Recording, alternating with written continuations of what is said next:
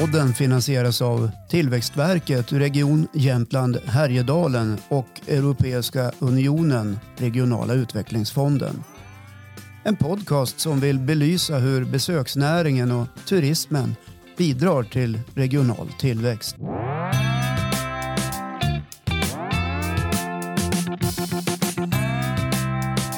Det här är JHT-podden, Jämtland Härjedalens turismpodcast. Och om vi ska beskriva JHT kan vi väl enkelt säga att det är en kraft för att utveckla besöksnäringen, bidra till att medlemmarna också gör samma sak och att vara en organisation som kan påverka genom att kommunicera, bevaka och agera i viktiga frågor som rör besöksnäringen. Det här är en näring som omsluter ungefär 4,7 miljarder kronor, Ann Adsten Stämmer väldigt bra. i, i, i den här regionen. Välkommen till podden. Hörru. Tack så mycket. Ja, berätta lite grann om dig själv och vad du gör för någonting på JHT. Jag har varit på IoT ganska länge, sedan 2006. Innan dess har jag varit på turistbyrån i Östersund med olika projekt. Ja. Varit jobb på Jamtli, Glösa hällristningar, Inlandsbanan och liknande. Har en bakgrund på turismlinjen och eh, har även läst arkeologi faktiskt. Jaha, har du varit ute och, och Jag har grävt? Du har gjort det? Ja, Ja, här i, i Jämtland Härjedalen? jajamän. Stenåldersbostad. Okej, vad spännande. Ja, det var väldigt spännande. Ja, men det gör du inte längre eller? Nej, jag försöker att vara lite av kulturturismtanten på IoT. Jaha, se där. Hörru, du, vad är det som gör att du har stått med, med eh, hela kroppen i, i besöksnäringen i större delen av ditt liv låter det som? Ja, det har sin grund i att jag åkte runt med Up with People när jag hade gått gymnasiet färdigt. Ja. Och då var jag ute och bodde i 82 olika familjer på ett år. 82. I mestadels Amerika. Jaha, Så jag har varit ganska bra på att berätta om Jämtland här i dalen. ja. Så jag tyckte det var någonting som jag skulle kunna utveckla på olika sätt. Och då vart det turism av det. Aha, så redan där kände du att ja, men jag kan vara en ambassadör eller vill jobba med de här frågorna. Jag märkte att Jämtland Härjedalen är väldigt bra. Vad var man intresserad av då i, i de här 82 familjerna? Det var inte alla riktigt som förstod hela budskapet Nej. och jag märkte att det var väldigt svårt att eh, avgöra vad som var Sverige och vad som var Schweiz. Ja, det brukar vara en klassiker med Men eh, många av de som hade lite högre utbildning de var ju med på noterna och hade ju en stark önskan om att få se Skandinavien någon gång Ja. i sitt liv. Men alltså blev det som en, eh, en... Man brukar ju prata om att man brinner för någonting. Liksom. Är det så det har varit för dig? Eller är att, att det är någonting som brinner när det gäller Jag vill jättegärna att fler ska upptäcka Jämtland här i dalen och se hur fantastiskt vackert vi har det Ja, och hur välordnat allting är i sin, i sin oreda. ja, För att man kan ju inte säga att naturen är ordnad. Den är ordnad på sitt eget vis. ja. Vad spännande. Och du jobbar ju väldigt mycket med eh, besöksstatistik, siffror, skaka fram underlag och sådana där saker. Vi ska Ja. Mm. prata mer om det alldeles strax. Men vi har faktiskt en gäst till i, i den här podden. Sandra, hej, Hej! Landén. Jajamän, Och du, du eh, när du hör Ann här berätta om vad hon gör, för du är näringslivsutvecklare på Bergs kommun. Ja. Eh, vad händer i din skalle när du hör henne berätta hennes koppling till besöksnäringen? Eh, ja, min skalle börjar ju också ran, ransaka vad har jag gjort i hela mitt liv. Och jag har väl också alltid haft ett ben i besöksnäringen. Eh, börja med mamma och pappa köpte stuga uppe i Bydalsfjällen när jag var sju år och sen från att ha torkat brickor där så har det liksom alltid följt som en röd tråd genom mitt liv det här med besöksnäring. Ja. Torka brickor, du jobbade på restaurang alltså? Ja, Jaha, Ja. just det. Okej, vad, vad kul. Och det är ju ibland så att man börjar ju alltid någonstans. Eh, och när man börjar intressera sig för någon fråga och upptäcker hos sig själv att ja, men det här gillar jag. Ja. Kul. Eh, Ann, eh, nu har vi hört lite grann om din eh, bakgrund och hur du kom in på den här banan. Och så gillar du ju siffror och statistik. Och eh, vad, är, det- vad är det som gör att du fastnar där? Eh, när man ska försöka påverka på olika sätt så måste man ju ha någonting att påverka med. Och eh, för att få människor att se vad vi behöver för att bli bättre då måste man gå till statistiken för att hitta de argumenten känner jag. Så att eh, redan från början när jag hamnade på GOT så var det just statistik som hamnade på mitt bord men jag har ju även andra saker mm. Så det är jag som står för omvärldsbevakning, jag är webbmaster, håller på lite grann med sociala medier och så jobbar jag i tre av projekten vi har igång nu. Då. Ja, bland annat det här då, eh, besöksnäringens roll för regional tillväxt. För regional utveckling. Regional ja, precis. utveckling, ja. precis. Just det. Eh, Sandra, eh, du då som en näringslivsutvecklare, ska vi bena lite grann i vad en sån gör på, på en kommun egentligen?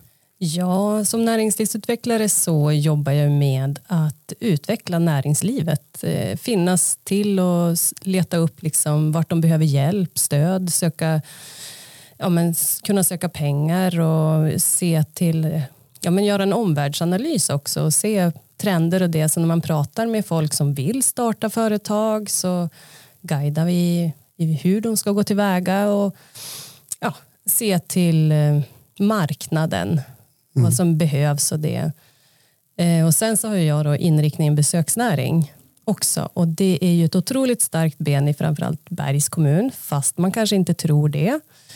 Eh, och, eh, Vänta, men- vänta. ja. vad är det som gör att man, man säger du, att man inte tror det? nej, eh, ja. Jag kopplar starkt ihop Bergs kommun med besöksnäring. Gör du det? Ja. Vilka destinationer tänker du på då? Ja, men då tänker jag på eh, till exempel Storhogna, Ja, ja, eh, lite grann Vemdalen tänker jag, men jag tänker framförallt fjäll. ja. Ja, Vemdalen är ju Härjedalens kommun. ja jo, men det vet jag också, Ja. men det är lätt att blanda ihop det. ja, precis. Så att det är väl lite det som... Men ni har ju eh, närheten där till varandra och jag antar att ni samverkar mellan varven. Precis, och eh, vi tänker fjäll, Gräftovallen. Mm. Eh, ser väl inte riktigt likadant ut som många andra skidorter. Utan eh, Gräftovallen, vad är det, runt 400-500 privata stugor. Ingen direkt kommersiell uthyrning. Ingen skiduthyrning och sådär. Utan det är ett rekreationsområde helt enkelt. För Sundsvallsbor och Östersundsbor. Ja. Och eh, missar väl då, gå lite under radarn när vi pratar besöksnäring som är de stora skidorterna man attraherar söder om Jämtland. Mm. Även Ljungdalsfjällen har ju den typen av karaktär. Ja men precis, jag brukar kalla Ljungdals, Ljungdalen för eh, vårt eget lilla Chamonix. Ja. Där, ja, men liksom, Ljungdalen det är synonymt med att man går upp till Helax och så. Och, eh, så det är ju som ett varumärke i sig, Ljungdalen. Ja. Sen ska man ju inte glömma södra Storsjöbygden och den typen av turism som också finns i Bergs kommun. Ja, men det är dit jag vill komma också. Liksom att det som gör Bergs kommun till en besöksnärings, en stark kommun inom besöksnäringen det är just att vi har eh, kulturen, vi har föreningarna, vi har ideella verksamheten som verkligen jobbar för att bevara historia och det och lyfta fram det. Till exempel Fäbovägen. Är det Sveriges tredje mest eh, besökta väg tror jag, eller liksom så här googlade, det är helt galet och det tänker man ju inte på. Och sen då när man vet att eh, ja, det är en privatperson som jobbar ideellt med att sköta om skyltningen där till exempel. Och jag förstår ju besökarna om de tror att ja, men här står kommunen bakom fullt ut. Ja. För den som inte vet vad Fäbodvägen är, berätta. Det är, eh, ja, det, det är en väg som eh, du åker upp i Persåsen och eh, så åker du bort mot Burtnan, Ljungdalen. Och längs den här vägen finns det över 72 fäbodvallar. Det är en ganska stark kulturhistoriskt område. Ja. Och det här drar då tusentals eh, besökare varje år. Ja, men, ja, det drar många som åker längs vägen. Vi har ju inte direkt någon eh, som eh, räknar det hela. Det, men det tycker jag vi ska göra. Men med tanke på Trafikverket som kör sina undersökningar vart tolfte år i oktober och maj när det inte är någon trafik så ja, kommer inte att ske. Ja. Okej, nu är inte de här, men eh, okej, det kan vara intressant att fastna lite grann för det. Eh, hur, hur ska man kunna liksom använda en siffra när man mäter då det inte pågår någonting?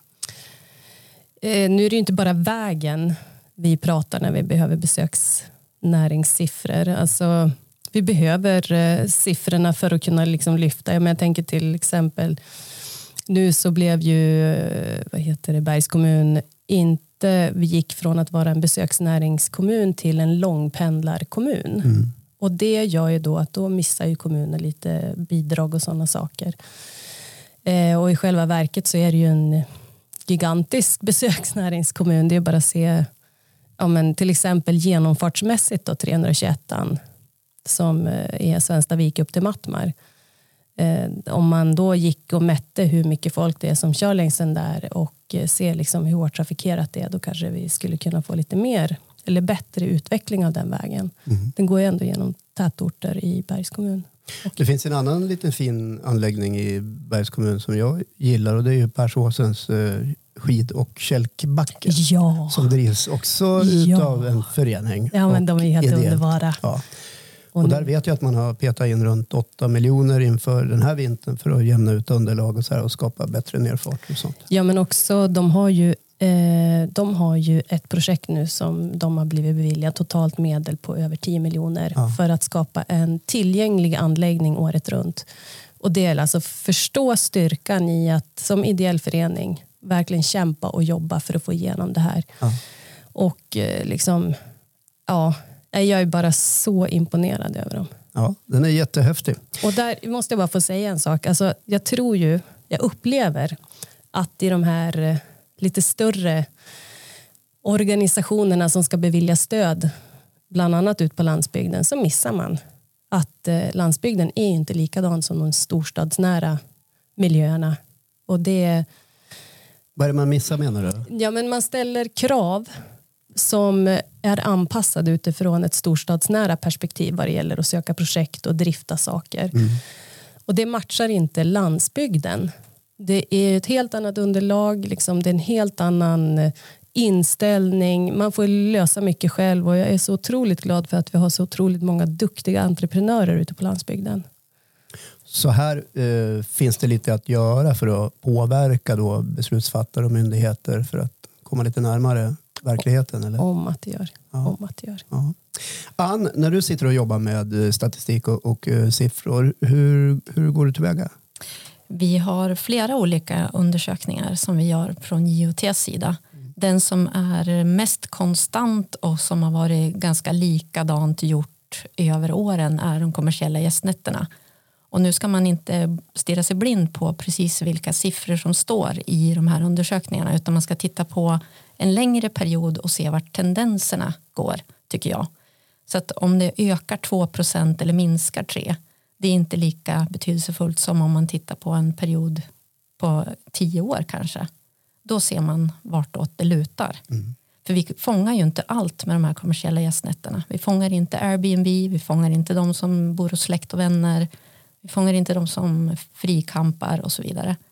Så att de får vi aldrig med. Men vi kan ju anta att det är ungefär samma utvecklingskurva på dem, den typen av övernattningar. Okej, så det blir ett antagande utifrån den fakta ni får fram när det gäller den delen? De kommersiella gästnätterna får liksom bilda grunden för åt vilket håll det lutar.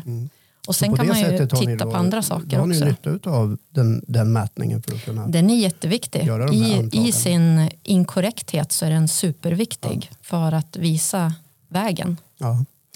Eh, vad var det Tage Danielsson sa om sannolikheter? Om ni kommer ihåg? Nej, inte jag. Ibland är eh, saker så sannolikt så att de är så osannolika så att de blir sannolika. Någonting åt det där hållet var det. Ja, men det kan nog stämma skulle jag tro.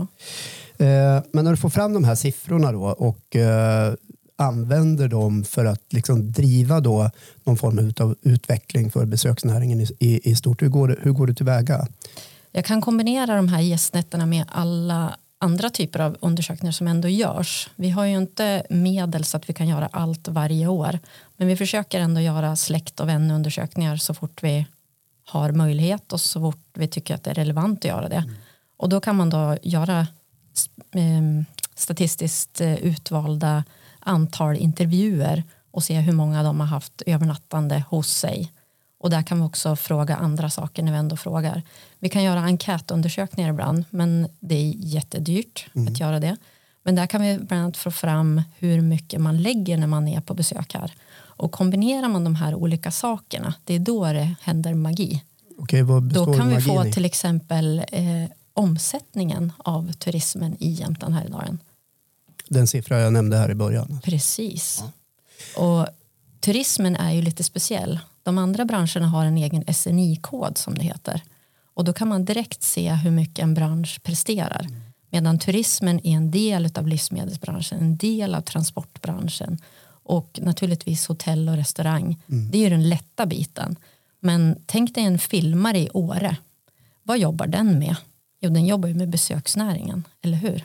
Eh, ja, eh, för den kanske inte skulle kunna finnas där om inte besöksnäringen fanns. Det är ett villkor liksom för att Ja. det överhuvudtaget Och ska fungera. räknar du så så kan du titta på förskolläraren också. Skulle den finnas i Åre om det inte var för besöksnäringen? Och vilka jobbar då inte i besöksnäringen? Om man tittar på det lite med falkögon. Ja. Vilken svår fråga, Mm. känner jag. Vilka jobbar inte inom besöksnäringen? För att ibland kan man känna att man gör det själv. Absolut, vart man bor. absolut. Att man på något sätt är inlämnad i det på, på något vänster. Det är en blodåder här i Jämtland Härjedalen, ser Ja. jag det som. Det är vi och Gotland som är mest beroende av besöksnäringen i, i Sverige. Eh, Sandra, när du då eh, lierar dig med, med Ann på, på IHT och sådär, hur, hur kan du jobba med den här statistiken som, som kommer fram för att eh, försöka hjälpa dina företag eller nya entreprenörer att, att komma vidare eller utveckla sin produkt eller vad man nu gör? Det är väl kanske inte direkt företagarna i sig eh, som den här statistiken direkt hjälper utan det, statistiken är ju ett verktyg att påvisa här, ja men det här, här behöver vi vara med och jobba och det är en näring som vi behöver räkna med, som vi ska räkna med. Eh, och eh, statistiken behövs i korta drag. Liksom. Statistiken behövs för att vi ska äska pengar. Så att för, och det här blir jag ganska upprörd över. Eh, vi pratar nu om en besöksnäringsstrategi som ska antas från högre ort. Eh, börja med att tillsätta en massa pengar så att vi kan ha turistbyråer och vad heter det, rastplatser och en hög hygiennivå på vad det gäller sophantering och det för våra besökare. För som det är nu så är det ju den enskilda näringsidkaren, ofta enmans eller tvåmansföretag, som ska sköta det här. Det är ju något besöksmål med eh, Vattenfall lite norröver. Den lilla vägföreningen, vad är det, fyra, fem bofasta längs den där. Det stod väl i tidningarna här i våras, liksom, ja, men de ska betala 400 000 för att underhålla vägen som x antal tusen husbilar kör på för att titta på ett vattenfall. Det är ju någonting, alltså, det måste in pengar som inte baseras på en enmansföretagares egna omsättning utan det måste liksom in avsättas en summa pengar som varje kommun har som de kan jobba med och se till att det finns turistinformationer för det är otroligt viktigt för vart ska man annars kunna inhämta information i hur man ska bete sig där man besöker och ja, det är så att det är mera liksom bakom kulisserna i min värld tycker jag då som statistiken är så jäkla viktig att påverka politiken och hur beslut ska tas och det.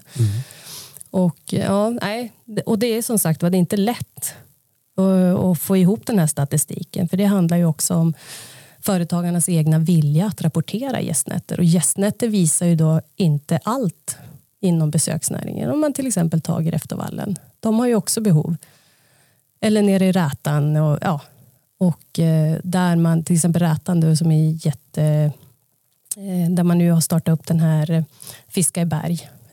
att man kan gå in där, liksom en typ av fisketuristbyrå. Eh, samla ihop deras gästnätter. Vad gör fiskarna? Liksom? Är det många fiskare som är ute och tältar? Eller ja. alltså, det behövs samla ihop det, men att få ihop helheten är inte så himla enkel.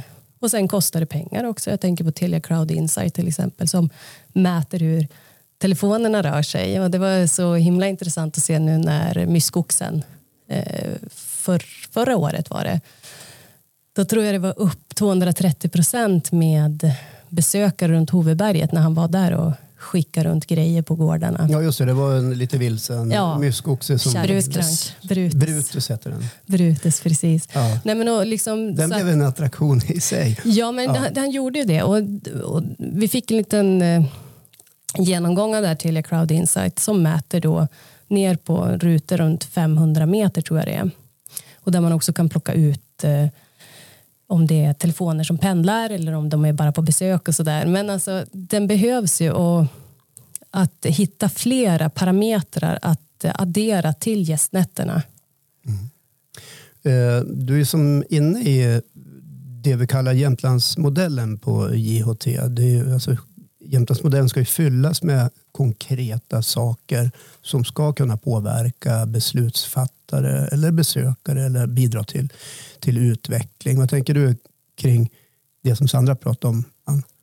Jo, men Jämtlandsmodellen är ju ett sätt att visa på att det inte bara är gästnätter som är någonting som betyder någonting utan det här vackra länet som vi har eh, det behöver ju andra parametrar också. Och hur nöjda är gästerna som är här? Hur uttrycker vi det egentligen?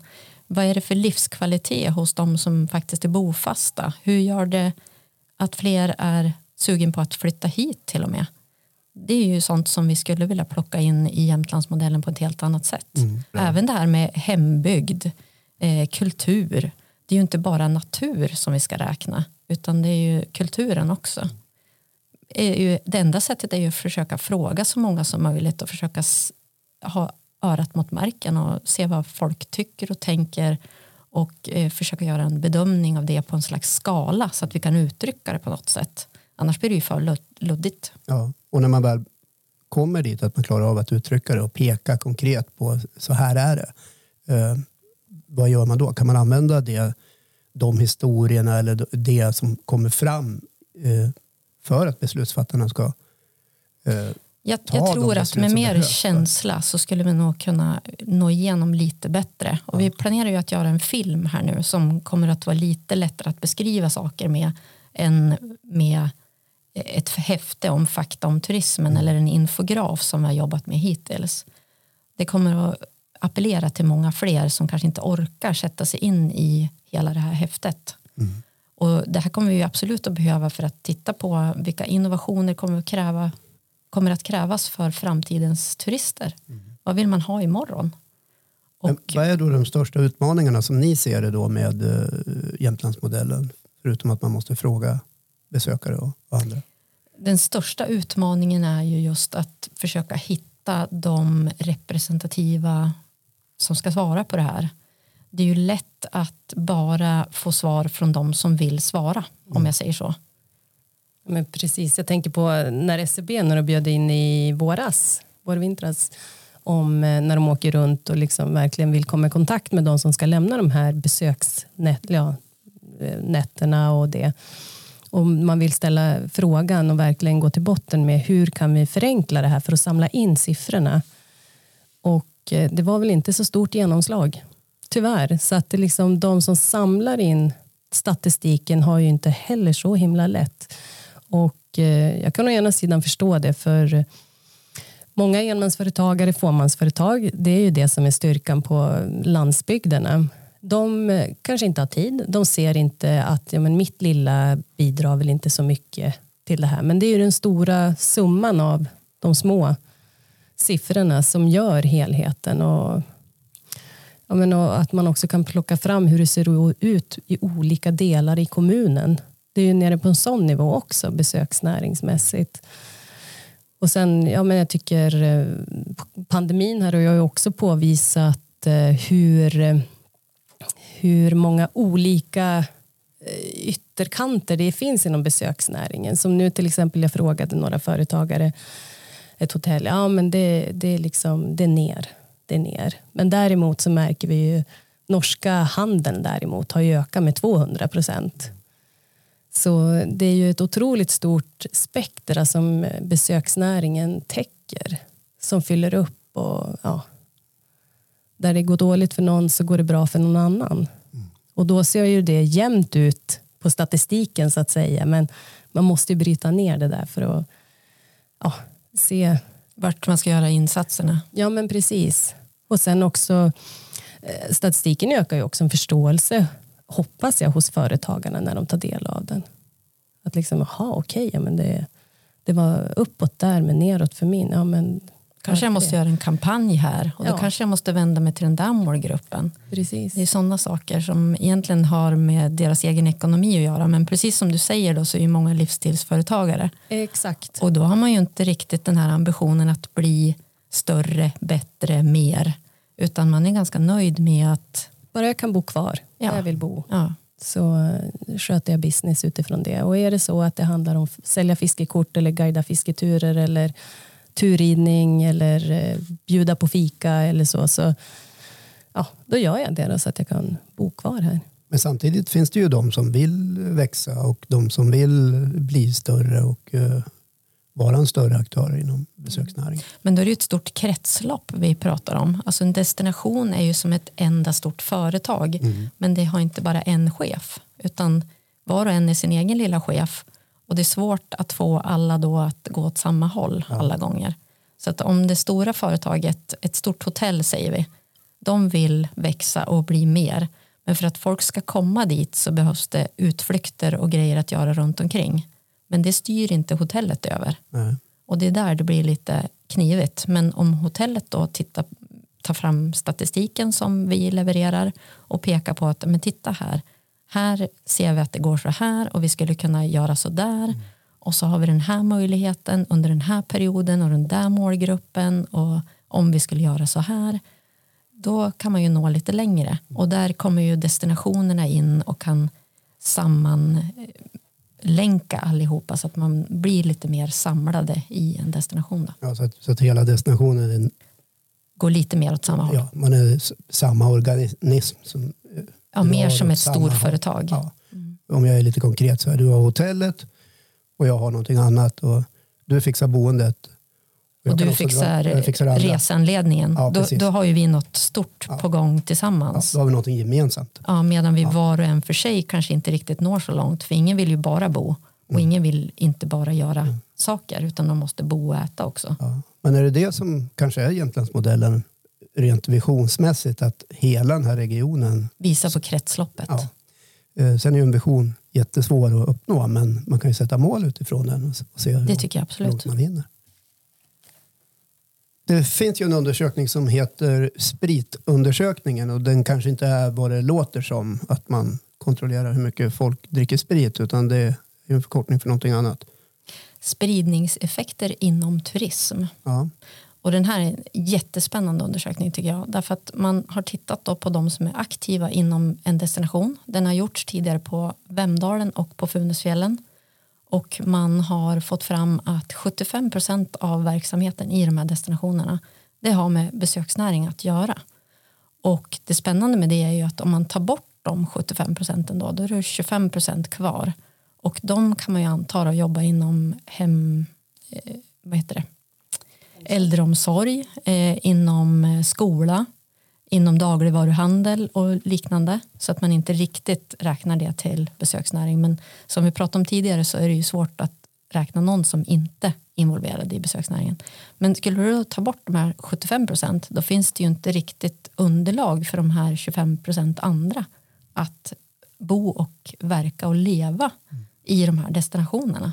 Så man har ett direkt kvitto på besöksnäringens betydelse genom den här spritundersökningen. Ja, och då börjar man prata om samhällsservice och vad som tillför mm. när besöksnäringen. I Vemdalen finns det ett företag som customiserar lastbilar. Och de, de kände också att den här, det här med besöksnäringen det är avgörande för dem för att få personal. Mm. Precis den personalen som de vill ha. De skulle ju kunna ligga i Södertälje. Men de vill vara i Vemdalen för de vill ha dedikerad personal som stannar länge och som då bygger på sin kunskap år efter år. Så att de har ju ingenting med besöksnäringen att göra. De customiserar lastbilar till vem som, som inte fraktar saker som har med besöksnäringen att göra. Men de såg alltså att genom att vi bor och verkar här så är det det som gör att vi får den personal vi vill ha. Mm. Intressant. Hur drar ni nytta då av spritundersökningen, Sandra? Ja, men precis som Ann säger, att kolla upp på vad ger det för effekter på övrig näring i området. Nu är Bergs kommun också väldigt mycket jord och skogsbruk näring. Men eh, ja, det, ska det byggas ny skidbacke så är det väl kanske någon med en bra skogsmaskin som behöver dit och hjälpa till mm. och röja och sådär. Så att, nej, som sagt, det här lyfter ju det som vi inte, men det vi är omedvetna om men som är väldigt avgörande. Mm.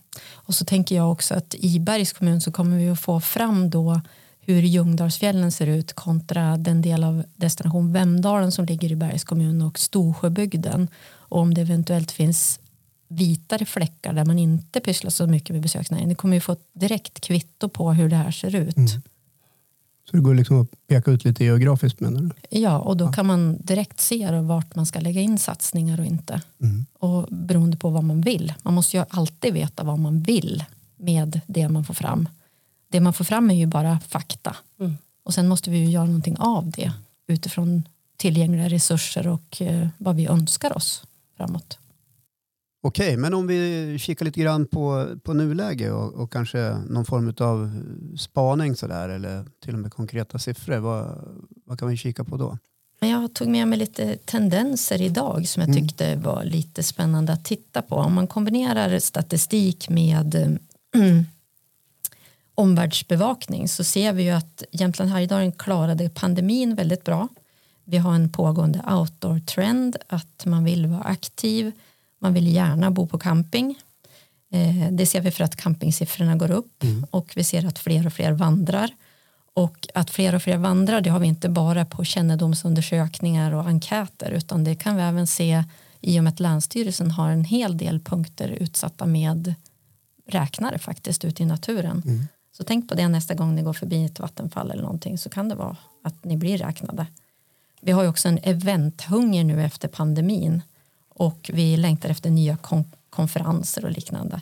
Norrmännen är på väg tillbaks, utländska gästerna är tillbaka, eh, inte helt och fullt. Och många stannar längre. Det är lite spännande. Att man kommer inte bara och åker på en gång utan många fritidshusägare de har till och med blivit semi-bofasta Mm. utifrån att de har upptäckt att man kan jobba hemifrån ifrån sitt fritidshus. Mm. Och då suddas ju de här gränserna ut vad som är bofast och besökare. Mm. Jag har någon grej till också. Kompetensbristen. Alltså vi har näst lägst arbetslöshet i hela Sverige. Och det har ju lite grann att göra med besöksnäringen. Ganska Det sväljer ganska mycket folk. Mm. Och det kanske man inte räknar med heller. Att, eh, vi har ju mycket med hur många som jobbar i en fabrik. Men man pratar aldrig om fabriken, turismnäringen. Om vi tänker oss att alltihopa är en stor organism tillsammans så sväljer det ganska mycket folk. Och vi har faktiskt väldigt nöjda gäster. Vi har bra värdskap. Och det är ju mycket tack vare att vi har jätteduktiga människor som jobbar i turismnäringen som gör att folk trivs och gör mer saker, stannar längre. Alla inser att det finns ju massvis med utmaningar och roliga utmaningar som kan driva på utvecklingen ännu mer. När man hör på er. Ja, Men jag vill ändå flagga. För det måste ju vara roligt också. Ja, men det ska vara roligt, absolut. Men jag vill också flagga lite för att det här med statistiken är väldigt bra också som underlag för att när ska vi börja dra i handbromsen? Mm. För att det Och då är du inne på hållbarhetsspåret, hur mycket, Ja, vi, hur mycket det precis. pallar med egentligen. Precis, både natur och människor och djur. Och liksom, Mm. ja, när har vi gått över gränsen? Ja, Alltså, men hur vet man det. när det har gått över gränsen då? Eh, Det måste ju alltid vara ekonomi och ekologi och socialt hållbart. Och det är ju inte så svårt att se när något av det fallerar. nej, men, eh, lägga örat mot marken också. Om vi tar bort ekonomin och så lyssnar vi på ja, vad, de, vad marken och naturen och djuren säger. Så, ja. Nej, men, och, och det är också att jobba med eh, styrkan, hållbarhet, att lyfta upp det och inte liksom bara utarma och eh, maxa hur mycket ekonomi kan vi få ut av produkterna. Det är ju också ett, eh, ett sätt att tala om för att eh, besökare att fasken, här har man tänkt till, här värnar man om det här, här vill man att alla ska må bra, både besökare och de vi besöker. Eh, och eh, det är en styrka som jag tror attraherar väldigt många. Så på det sättet skulle en, en, ett, ett resmål kunna vara ganska unikt på ett sätt för mig som besökare. Ja, unikt. Alltså jag skulle känna att Ja, men jag, om jag själv är medveten om. Ja, om jag själv är medveten, men jag skulle också känna så här, ja, men nu, ja, men som till exempel nu går jag till staterna här då, med Yosemite, där får du ansöka, det har ju gått så pass långt, liksom, där får du ansöka ett halvår innan för att få vandra där några dagar och sen släpper de, är det 6% green card när sommaren kommer för att ha möjligheten att vandra och då må du tala om exakt vart du ska gå. Dit vill vi inte komma. Det finns plats för alla men inte alla samtidigt på samma plats. Ann, jag vet att det kom, eh, om vi backar ner till siffror nu igen, det kom eh, nya siffror för juni månad.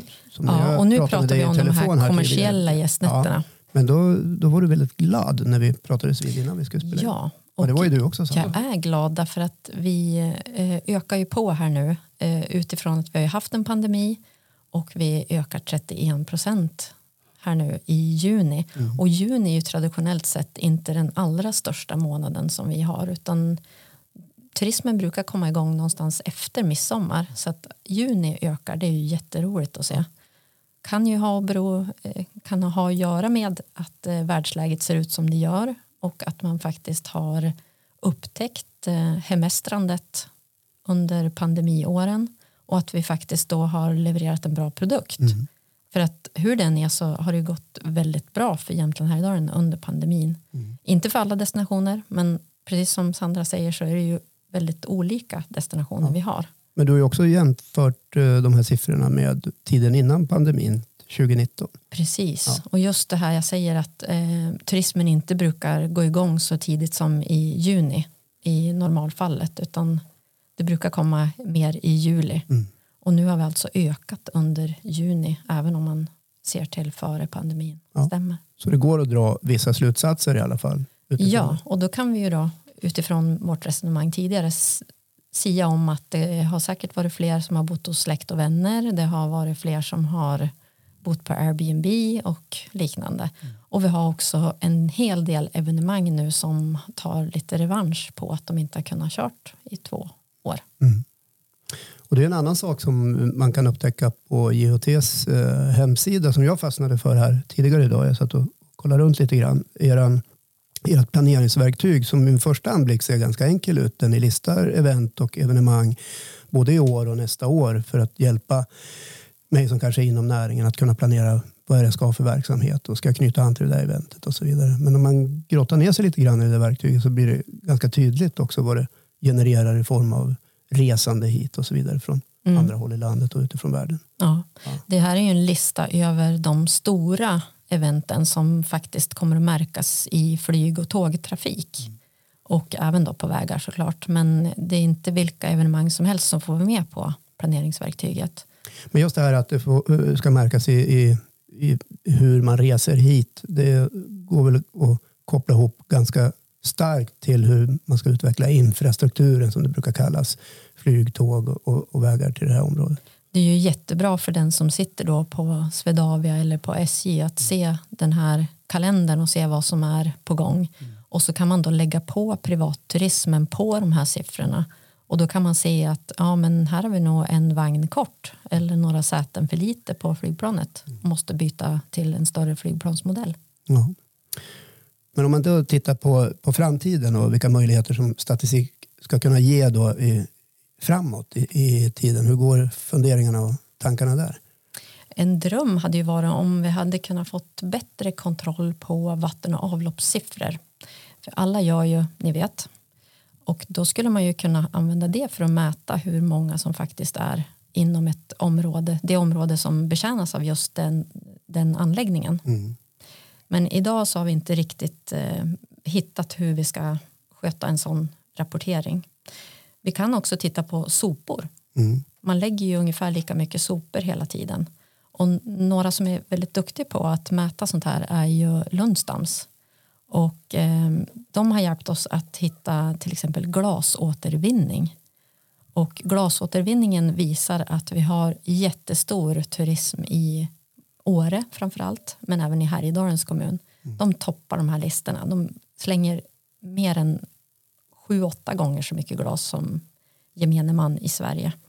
Vi skulle också vilja ha lite bättre koll på dagligvaruhandeln men av förklarliga skäl så kanske inte de vill outa precis hur det går för deras butiker. Men tänk om vi hade kunnat fått titta in i hur, hur utvecklingen går för en ICA-butik i Mm. en, en fjälldestination till exempel. Eller Konsum. Eller, Eller någon. Konsum Ja. eller någon helt annan butik. Absolut, absolut. Det spelar ingen roll vilket märke det är. Men eh, det skulle också kunna ge väldigt bra kvitto på hur många som finns och hur, hur, hur det går för turismen. För köper man lyxigare grejer, ja då det går bra nu. Köper man eh, basic, ja, går inte lika bra nu. Vi brukar runda av den här podden med fem sköna, men eftersom det är två gäster idag så blir det tio sköna. Så jag tänker vi bantar ner till tre var. tre sköna, det innebär att ni ska få själva säga och avslöja om ni vill en hjortronmyr ni älskar att åka till eller vad det nu är för någonting. Det kan vara en upplevelse, det kan vara en konkret, ett konkret resmål eller någonting annat. Och jag tänkte vi kan köra varannan, så om, om du börjar, Ann. Då börjar jag med eh, Alsen. Otroligt vacker by.